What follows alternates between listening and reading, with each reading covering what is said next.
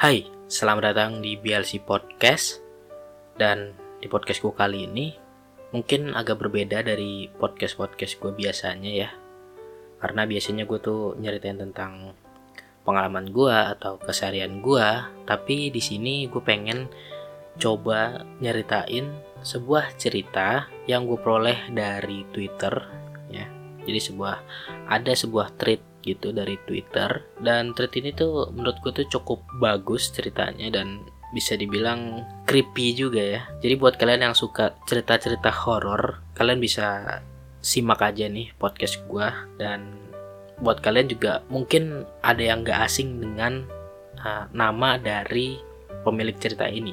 Jadi gue pengen nyeritain sebuah tweet atau cerita dari Simple Man mungkin buat kalian yang uh, suka main Twitter itu udah nggak asing dengan Simple Man ini ya. Karena dia tuh sering banget ngebuat tweet itu cerita-cerita horor atau cerita-cerita horor gitu di Twitternya gitu ya. Dan tweetnya itu berdasarkan pengalaman pribadi dia. Berdasarkan apa yang dia alami gitu. Jadi bisa dibilang ini adalah uh, kisah nyata gitu. Real yang terjadi itu yang dia alami well gue nggak tahu apakah itu benar atau tidak. Gue cuma seorang penikmat karena menurut gue itu bagus dan akhirnya gue pengen ya, coba untuk bacain di podcast gue ini. Oke mungkin uh, intronya nggak usah kepanjangan kali ya. Dan oh ya gue pengen ngasih tahu dulu sebelumnya. Mungkin ceritanya nanti akan agak panjang dan bakalan gue jadiin uh, beberapa part gitu atau dua atau berapa yang gue nggak tahu. Pokoknya gue nggak bakalan selesai di satu podcast ini tapi nanti di podcast berikutnya gue akan ngelanjutin karena ceritanya itu agak panjang ya. Jadi biar kalian tuh nantinya nggak yang terlalu bosan untuk mendengarkannya makanya gue buatlah beberapa part gitu aja ya biar nggak terlalu kepanjangan juga gitu. Oke di sini uh, langsung aja kali ya kita ke ceritanya tapi sebelumnya di sini gue pengen uh, menjadi si simple man itu aja ya. Jadi gue seolah menceritakan apa yang gue alami gitu. Gue seolah menjadi simple man. Jadi biar kalian juga enak untuk mendengarkannya. Oke sekarang langsung aja yuk kita mulai ke ceritanya. Sejujurnya, saya benar-benar akan membawa kalian masuk ke sisi lain dari manusia Kenapa manusia itu sangat unik? Tidak ada yang bisa menebak jalan pikiran maupun perbuatannya. Bahkan orang yang kalian pandang paling baik sekalipun di mata orang lain bisa menjadi mimpi buruk terbesar yang bahkan tidak pernah kalian bayangkan sifatnya sebelumnya. Begitu pula dengan Bah Darsem, di mata tetangga, beliau adalah wanita tua yang sangat dihormati, disegani, begitu diagung-agungkan. Namun, di belakang semua orang, dia bisa menjadi mimpi buruk bagi orang lain. Tidak terhitung seberapa jauh dirinya menekuni seni ilmu hitam yang paling tua, hanya berbekal darah keturunan yang dimiliki. Dia menenun, menerima sepenuh hati ajaran dari gurunya. Sampai di titik tertingginya, rumahnya selalu didatangi oleh tamu dari berbagai kota untuk meminta bantuan mulai dari memperlancar rezeki, meluruskan usaha, sampai mencari wangsit untuk masa depan. Suatu hari, ada seorang tamu yang guna meminta bantuan kepada beliau. Mereka datang dari tempat yang jauh. Mbah Darsa meminta dengan senang hati, meski ilmu hitam beliau masih gemar membantu para tamu-tamu yang datang. Di sinilah ada salah satu tamu yang entah kenapa tertuju pada kuku jari Mbah Darsem yang hitam panjang. Semenjak pertama masuk, ia sudah terganggu. Matanya tidak pernah bisa lepas dari pandangan ke arah kuku jarinya. Suatu waktu setelah pembicaraan mereka selesai, si tamu mempertanyakan kepada Mbak Darsem, untuk apa beliau memelihara kuku jarinya? Bukankah lebih baik bila dipotong?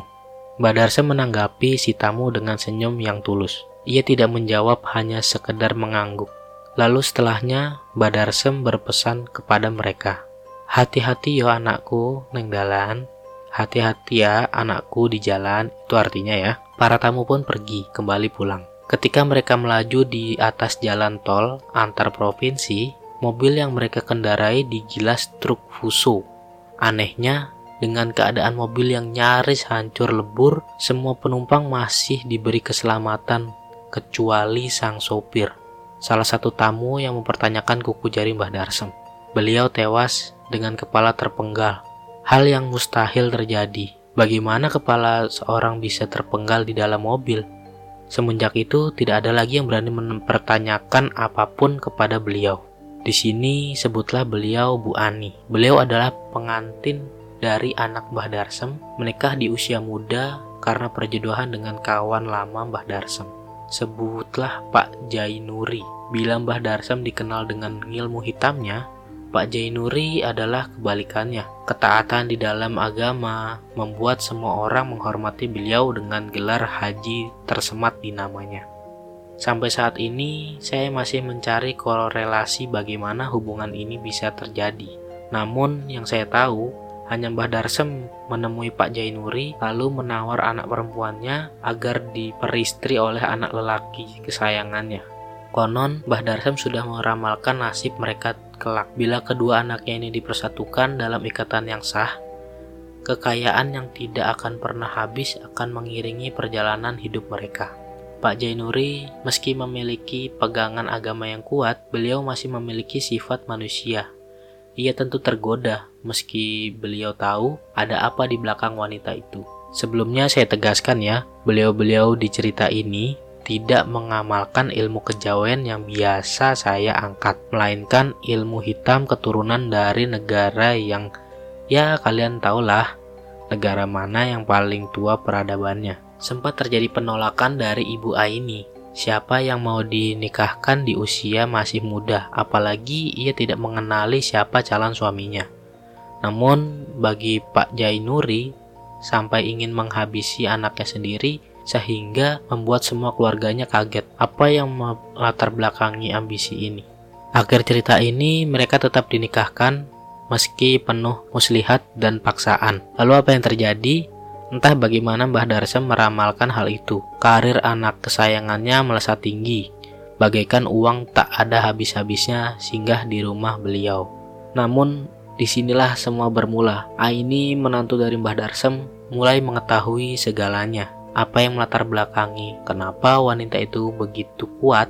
Suatu malam saat suaminya belum pulang, Aini seorang diri di dalam rumah bersama dengan Mbah Darsem. Rumah itu terlalu besar bagi mereka berdua. Mbah Darsa memiliki kebiasaan aneh.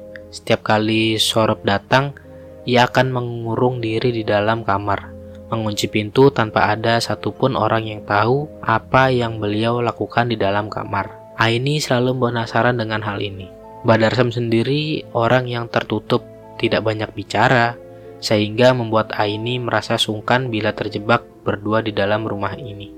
Suatu ketika setelah maghrib, Aini berjalan menuju ke dapur. Di lorong yang panjang, ia harus melewati kamar Mbah Darsem.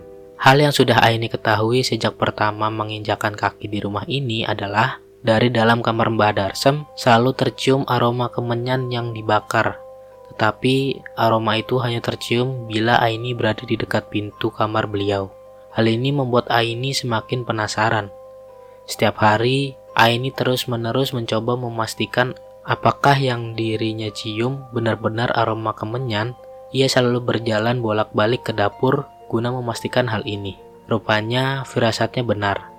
Ini adalah aroma kemenyan yang baru saja dibakar. Tidak hanya aroma kemenyan yang Aini curigai dari sifat misterius Mbah Darsem, melainkan terkadang saat di dalam kamar beliau seperti sedang berbicara dengan orang lain, suaranya bertengkar begitu jelas bahkan terkadang tertawa sendiri. Padahal beliau hanya seorang diri di dalam kamar. Semua rentetan kejadian ini semakin membuat Aini merasa takut. Beberapa kali ia menceritakan hal ini kepada suaminya, anak dari Mbah Darsem sendiri. Namun, beliau selalu berkata untuk tidak ikut campur apa yang dilakukan oleh ibunya. Namun dasar sifat Aini yang susah diatur, ia benar-benar penasaran dengan apa yang dilakukan oleh ibu mertuanya. Suatu ketika ada suatu yang sangat jarang terjadi, di mana Mbah Darsam tidak mengunci pintu kamarnya saat sorab sudah tiba. Tentu saja hal ini membuat Aini tertegun. Ia terdiam sebentar melihat ke bilik pintu yang sedikit terbuka. Sementara gema suara Mbah Darsem terdengar dari dalam. Beliau sedang berbicara dengan seseorang. Beberapa kali juga memanggil sebuah nama. Aini mengatakan Aini mendekatkan diri mencoba mencuri dengar pada siapa ibu mertuanya bicara. Terdengar jelas beberapa kali Mbak Darsem menyebut nama dari lawan bicaranya dengan panggilan Siti.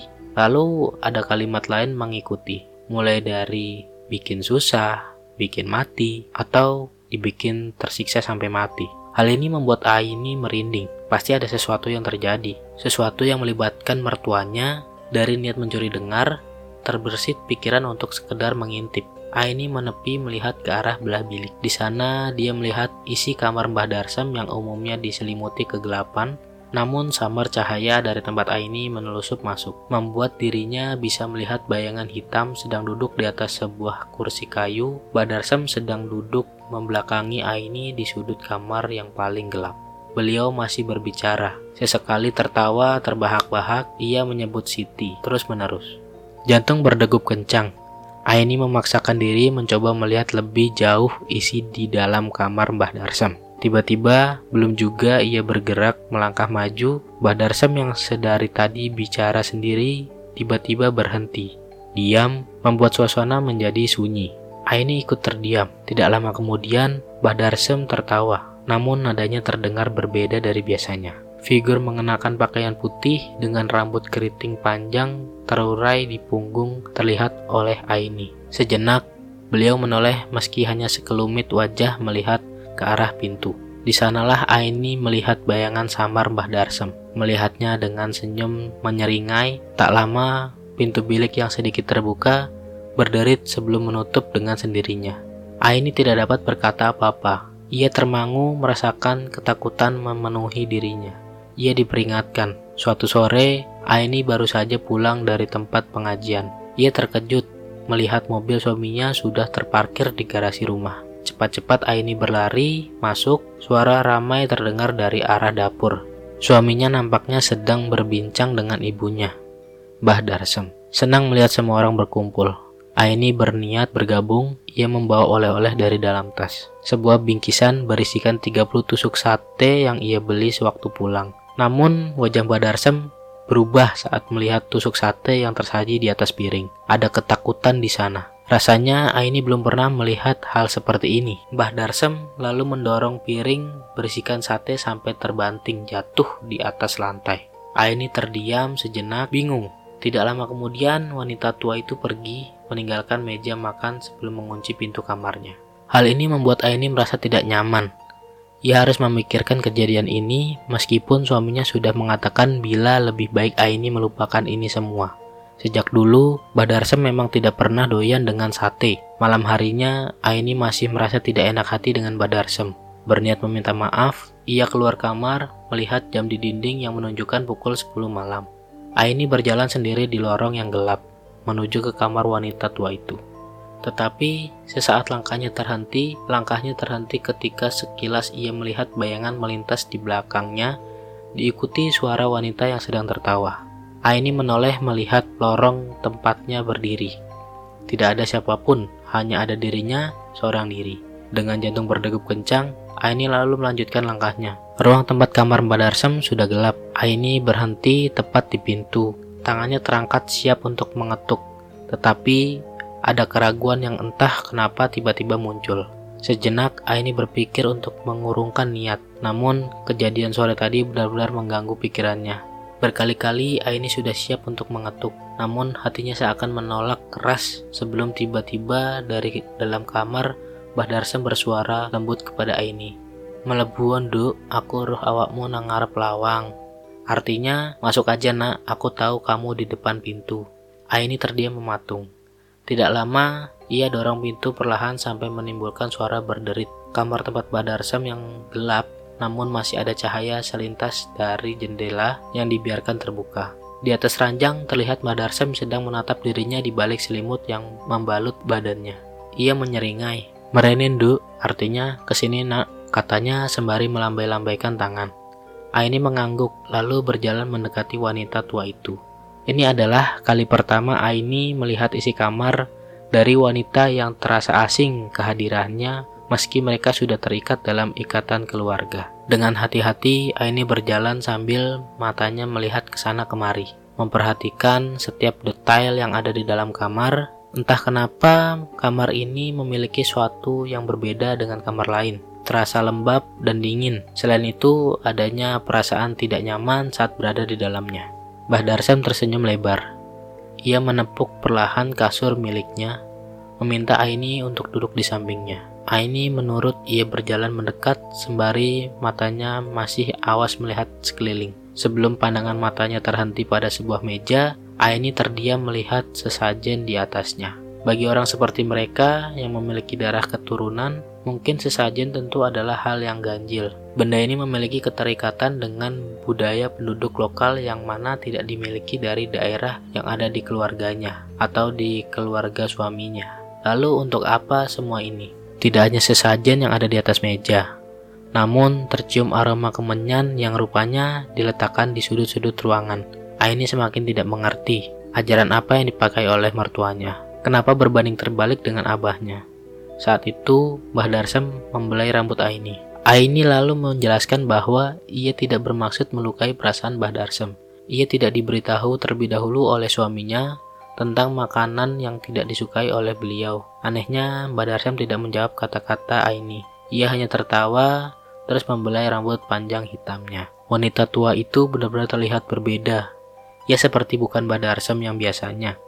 Hal ini membuat Aini mulai tidak nyaman. Ia merasa risih dengan bagaimana Mbak Darsa memperlakukan dirinya. Saat ia berniat untuk kembali ke kamarnya, wanita itu menggenggam tangannya melotot. Tidak punya pilihan, Aini menemani beliau. Mbak Darsa mendekatkan dirinya pada tubuh Aini, meletakkan kepalanya ke atas bahunya. Tidak lama, wanita tua itu lalu tertawa. Ketika itulah Aini tiba-tiba teringat dengan suara tertawa yang sebelumnya ia dengar saat dirinya berada di lorong rumah.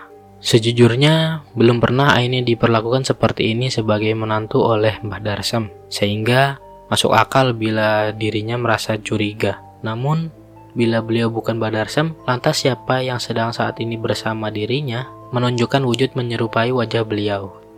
Rausahuddin duk, gak bakal tak apa-apa no kue. Artinya, gak usah takut nak, tidak akan aku apa-apakan kamu.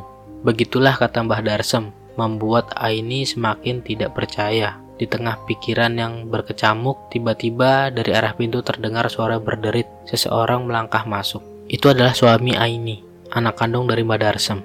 Ia berdiri di muka pintu, lalu berjalan masuk, mendekati mereka sebelum menarik tangan Aini, istrinya. Bersama-sama, mereka meninggalkan ruangan itu. Saat itulah Aini bisa melihat ke arah Mbah Darsem yang masih menyeringai. Tidak ada sepatah kata pun yang keluar dari mulut suaminya. Ia seperti tidak ingin membahas hal ini. Sesampainya mereka di dalam kamar, pria itu melemparkan HP-nya ke atas kasur sebelum melemparkan diri menjatuhkan tidurnya. Aini yang masih aneh mengambil handphone milik suaminya.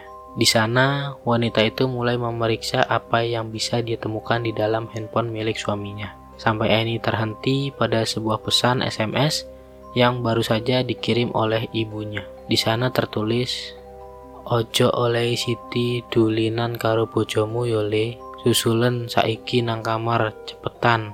Artinya, jangan biarkan Siti bermain-main dengan istrimu ya nak. Jemput dia sekarang di dalam kamarku, cepat. Aini tidak mengerti bagaimana penjelasan semua ini.